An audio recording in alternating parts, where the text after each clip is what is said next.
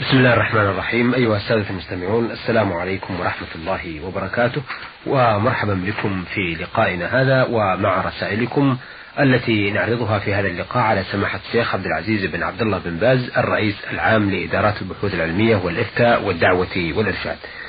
آه سماحة الشيخ هذه الرسالة وردتنا من محافظة الأنبار من الجمهورية العراقية ومن آه الطالب صبار حمادي.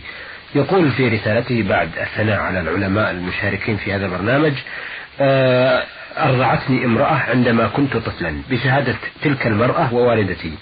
رضعات غير معلومة. هل هن واحدة أو ثلاثة أم أقل أو أكثر؟ وكان الرضاع في يوم واحد فقط من العصر وحتى ميعاد النوم في الليل. فهل يحق لي الزواج من أحد بناتها وخصوصا البنت الأخيرة التي أنجبتها؟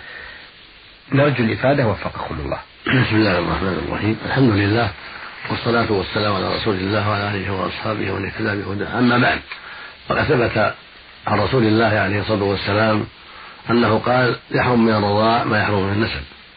وقال عليه الصلاة والسلام لا تحرم الرضاع ولا الرضعتان وقال أيضا فيما ثبت عن عائشة رضي الله عنها قالت كان فيما أنزل من القرآن عشر رضاعات معلومات يحرمنا.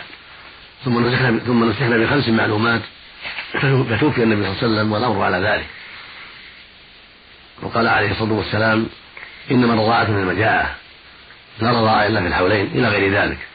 هذه الأحاديث وما جاء في معناها تدلنا على أنه لا بد من خمس رضاعات فأكثر. فإذا كانت المرأة المرضعة تشك في الرضاع الواقع منها هل هو واحدة أو أكثر من ذلك فإنه لا يحصل به تحريم الرضاع ولا تنشر به الحرمة. ولا حرج أن ينكح بعض بناتها لأنها لم تثبت أنها أم له حتى يثبت أنها أرضعته خمس رضعات أو أكثر. وبهذا يعلم السائل أنه لا حرج عليه في نكاح بنت المرأة التي أرضعته على الرضاع الذي غير غير معروف وإن ترك ذلك من باب ترك الشبهة من باب دع ما يريبك فلا حرج حسن. وإلا فليس عليه حرج في ذلك. إنما من باب ترك الشبهات وترك الريبة إذا ترك ذلك فهو حسن. عملا بقول النبي صلى الله عليه وسلم دع ما يريبك إلى ما لا يريبك فإنها قد تكون أرضعته عدة رضعات بلغت الخمس لكن لم تحفظ ذلك فإذا ترك ذلك احتياطا وبعدا عن الشبهة فهو مشكور ومأجور وقد قال عليه الصلاة والسلام من اتقى الشبهات فقد استبرأ لدين العرة نعم. آه هذه الرسالة من آه علي سالم مؤمن. يقول في رسالته ببالغ الفرح والسرور آه أكتب هذه الرسالة وأقدم. الشكر والامتنان لكل من يساهم في إنجاح هذا البرنامج.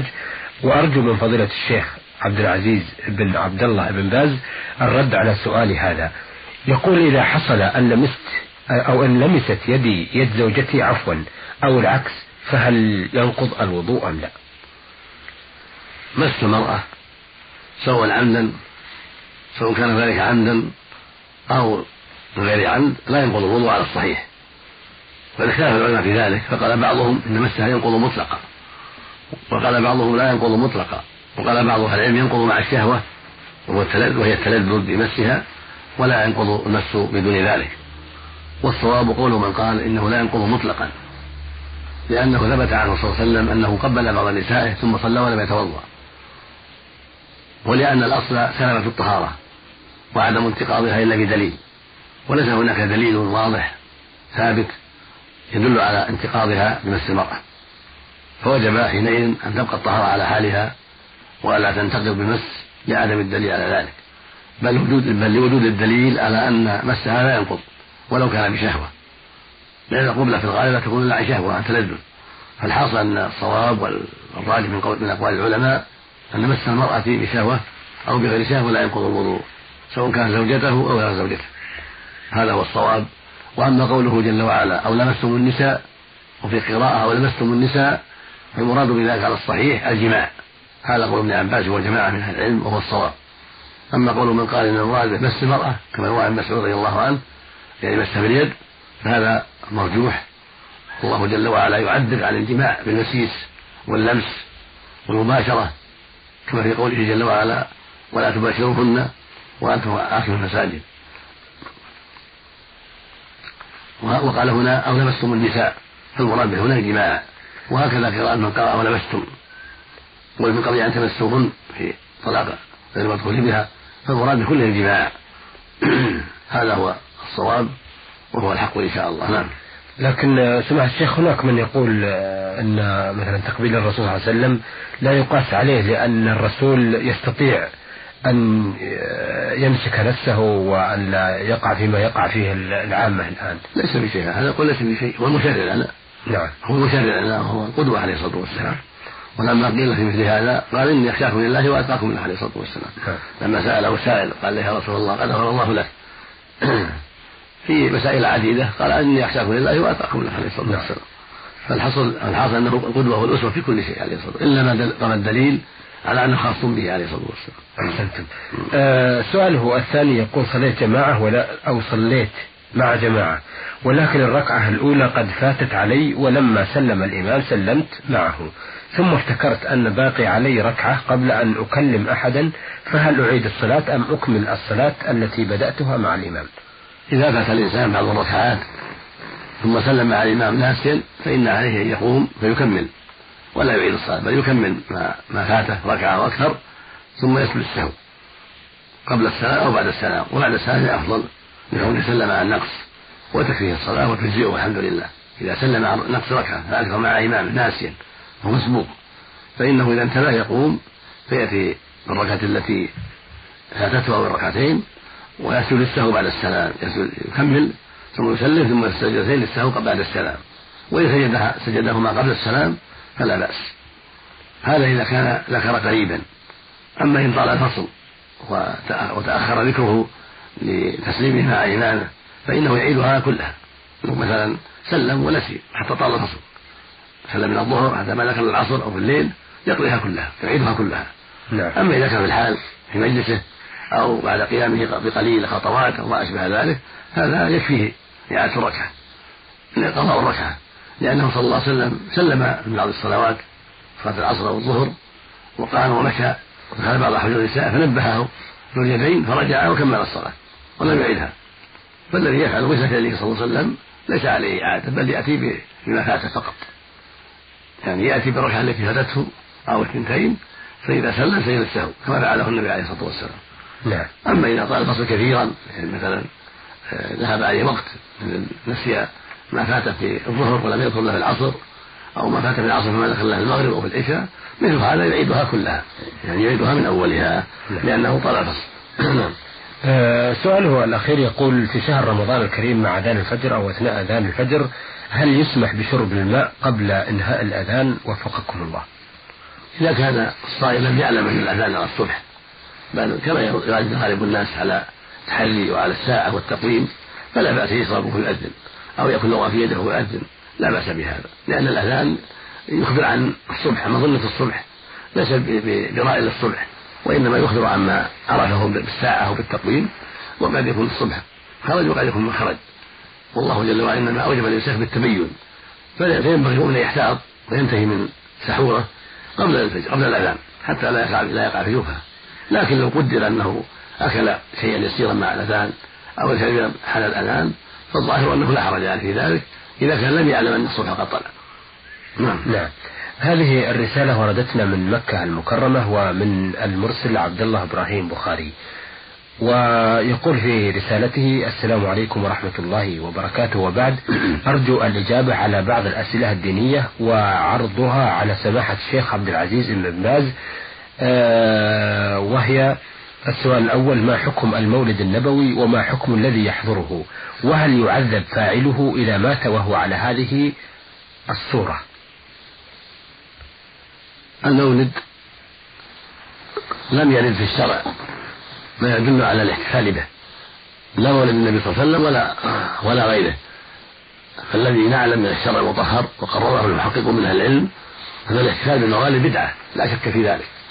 لأن الرسول صلى الله عليه وسلم وهو أنصح الناس وأعلمهم بشرع الله ويبلغ عن الله لم يحتفل بمولد مولده صلى الله عليه وسلم ولا أصحابه لا خلفاؤه الراشدون ولا غيرهم.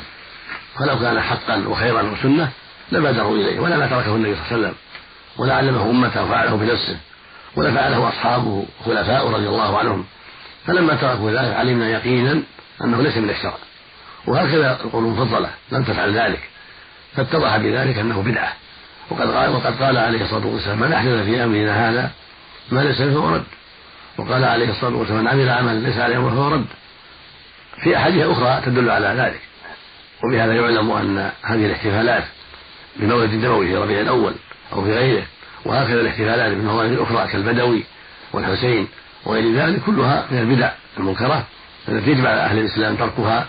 وقد عوضهم الله بعيدين عظيمين عيد الفطر وعيد الأضحى. ففيهما الكفاية عن إحداث أعياد واحتفالات منكرة مبتدعة. وليس حب النبي صلى الله عليه وسلم يقوم بالموالد وإقامتها وإنما حبه صلى الله عليه وسلم يقتضي اتباعه والتمسك بشريعته والذب عنها والدعوة إليها والاستقامة عليه هذا هو الحب. قل إن كنتم تحبون الله فاتبعوني يحبكم الله ويغفر لكم ذنوبكم. فحب الله ورسوله ليس بالموالد ولا بالبدع ولكن حب الله ورسوله يكون بطاعة الله ورسوله بالاستقامة على شريعة الله بالجهاد في سبيل الله بالدعوة إلى سنة الرسول صلى الله عليه وسلم وتعظيمها والذب عنها والإنكار على من خالفها هكذا يكون حب الرسول صلى الله عليه وسلم. ويكون بالتأسي به في أقواله وأعماله والسير على منهاجه عليه الصلاة والسلام والدعوة إلى ذلك. هذا هو الحب الصادق الذي يدل عليه العمل الشرعي والعمل الموافق لشرعه. وأما كونه يعذب أو لا يعذب هذا شيء آخر هذا إلى الله جل وعلا. فالبدع والمعاصي ليس بالعذاب. لكن قد يعذب الإنسان في عمل معصيته وقد يعفو الله عنه إما لجهله وإما لأنه قلد من فعل ذلك ظن منه أنه مصيب أو لأعمال صالحة قدمها سببا لعفو الله أو لشفاعة الشفعاء من الأنبياء أو المؤمنين أو الأفراد. فالحاصل أن المعاصي والبدع من اسباب العذاب وصاحبها تحت مشيئة الله جل وعلا. إذا لم تكن بدعته مكفرة. أما إذا كانت البدعه مكفرة فيها الشرك الأكبر فصاحبها مخلد في النار نعوذ بالله. لكن إذا كانت البدعه ليس فيها شرك اكبر وإنما هي فروع خلاف الشريعة من صلوات مبتدعة أو احتفالات مبتدعة ليس فيها شرك. فهذا تحت مشيئة الله كالمعاصي. نعم. طيب آه، بالنسبة للأشخاص هناك أيضا من آه، يجعل له عيدا لميلاده هو لهذا الشخص. ما حكم. كل هذا منكر يجعل عيدا له أو لأمه أو لبنته أو لولده كل هذه اللي أحدثوها الآن سبها من النصارى واليهود. لا أصل لها ولا أساس لها. عيد الأم أو عيد الأب أو عيد العم أو عيد الإنسان نفسه أو عيد بنته أو كل هذه منكرات. كلها بدع. كلها تشبه بأعداء الله. لا يجوز شيء منها أبدا. بل يجب سد الباب والحذر من هذه المحدثات. ولكن بعض الناس كثرت عليه النعم واجتمعت عنده الأموال فلا يدري كيف يتصرف فيها. لم يوفق لصرفها في طاعة الله وفي تعمير المساجد ومواساة الفقراء وصار يلعب بها في هذه الأعياد وأشباهها. نعم. وإذا كان المراد آه، إحياء سنة الرسول صلى الله عليه وسلم فليس بالموالد يحييها بدروس إسلامية في المدارس والمساجد والمحاضرات. هذا لا ليس بدعة بل مشروع مأمور به يدرس السيرة النبوية ويبين ما جاء في المولد من الأخبار. في في الدروس الإسلامية في المدارس في المعاهد في المساجد في المحاضرات. أما يجعل لها وقتا مخصوصا تقام فيه الاحتفالات في ربيع الأول أو في غيره والمآكل والمشارب وغير ذلك هذا لا أصل له. بل هو من البدع المحدثة. نعم. أعوذ بالله. آه السؤال الثاني من المستمع عبد الله إبراهيم بخاري من مكة المكرمة يقول ما حكم المرور بين يدي المصلي في المسجد الحرام؟ وهل الحديث خاص في المسجد الحرام أم يشمل مكة ومساجدها؟ وهل يأثم من مر بين المصلي من غير قصد وليس متعمدا؟ أما المسجد الحرام الذي حول الكعبة فالمعروف عند أهل العلم أنه لا حرج في المرور بين يديه الحاجة لأن الغالب هو الزحمة فيه ومظنة عدم تيسر السترة والسلامة من المار فالأمر فيه واسع. وهكذا عند الازدحامات في المسجد النبوي وغيرها من المساجد ازدحم الناس. وتكاثر الناس ولم يتيسر للمسلم مرور إلا بين أيدي المصلين فالظاهر والله أعلم أنه لا حاجة في ذلك للضرورة والمشقة الكبيرة. وينبغي المصلي يتحرى المكان الذي ليس فيه تعرض للمرور بين يديه في لزوم السواري التي في المسجد وأشباهها حتى يكون بعيدا عن المرور بين يديه. أما مساجد مكة وأرضها فالظاهر أنها كغيرها. ولهذا لما صلى في الأبطح جعل أمامها عنزة وصلى إلى عنزة عليه الصلاة والسلام. نعم. وهو في الأبطح في المسجد الحرام. فدل ذلك على أن المسجد الحرام مثل غيره في اتخاذ السترة يعني بقية الحرم لأن الحرم كله يسمى مسجد الحرام. لكن ما كان حول الكعبة فالأمر فيه أوسع وأسهل للزحمة غالبا. ولما جاء في ذلك الآثار عن بعض الصحابة في عدم توقي مرور الناس لأنه موضع زحمة في الغالب مظنة عدم القدرة على السلامة من المار ولأن في السترة ورد الناس مشقة على الطائفين وعلى غير الطائفين. فالأولى والأقرب والأرجح أنه لا حرج في ذلك إن شاء الله ولا لزوم السترة. نعم. لكن في بقية مكة في بقية الحرم ويسمى المسجد الحرام ينبغي اتخاذ السترة ومنع النار كما اتخذها النبي صلى الله عليه وسلم في الأوطح عليه الصلاة والسلام. نعم. آه سؤاله الأخير يقول قال رسول الله صلى الله عليه وسلم لا تستقبلوا القبلة بغائط ولا بول ولكن شرقوا أو غربوا. الحديث.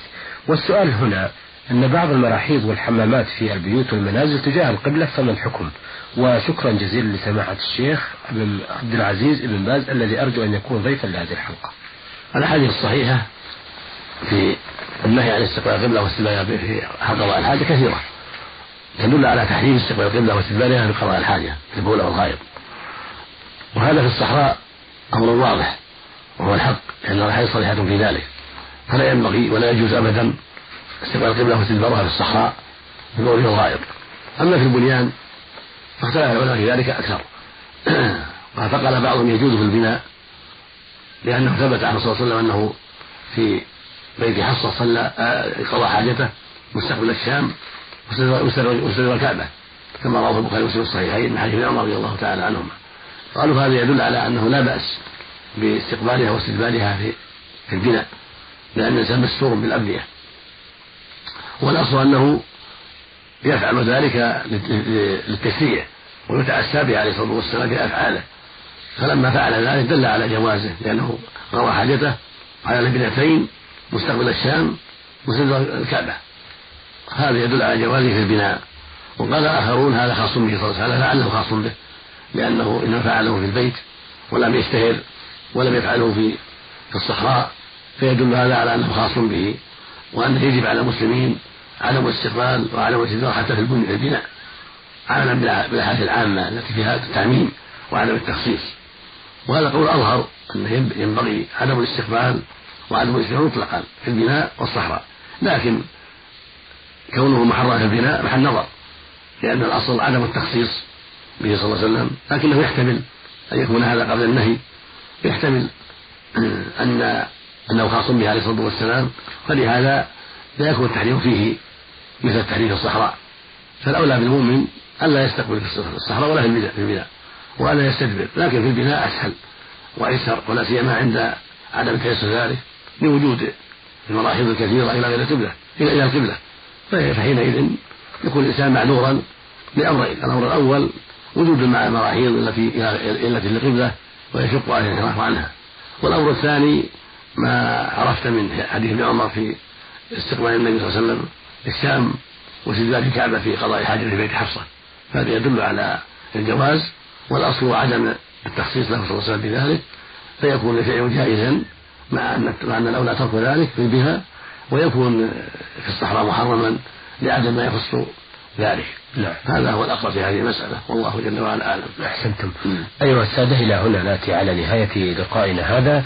الذي استعرضنا فيه أسئلة السادة طالب صبار حمادي من العراق محافظة الأنبار وعلي سالم مؤمن من مكة المكرمة وعبد الله إبراهيم بخاري من مكة المكرمة أيضا. استعرضنا ما وردنا منهم من أسئلة واستفسارات. على سماحة الشيخ عبد العزيز بن عبد الله بن باز الرئيس العام لإدارات البحوث العلمية والإفتاء والدعوة والإرشاد. شكرا لسماحة الشيخ وشكرا لكم أيها السادة وإلى أن نلتقي نستودعكم الله والسلام عليكم ورحمة الله وبركاته.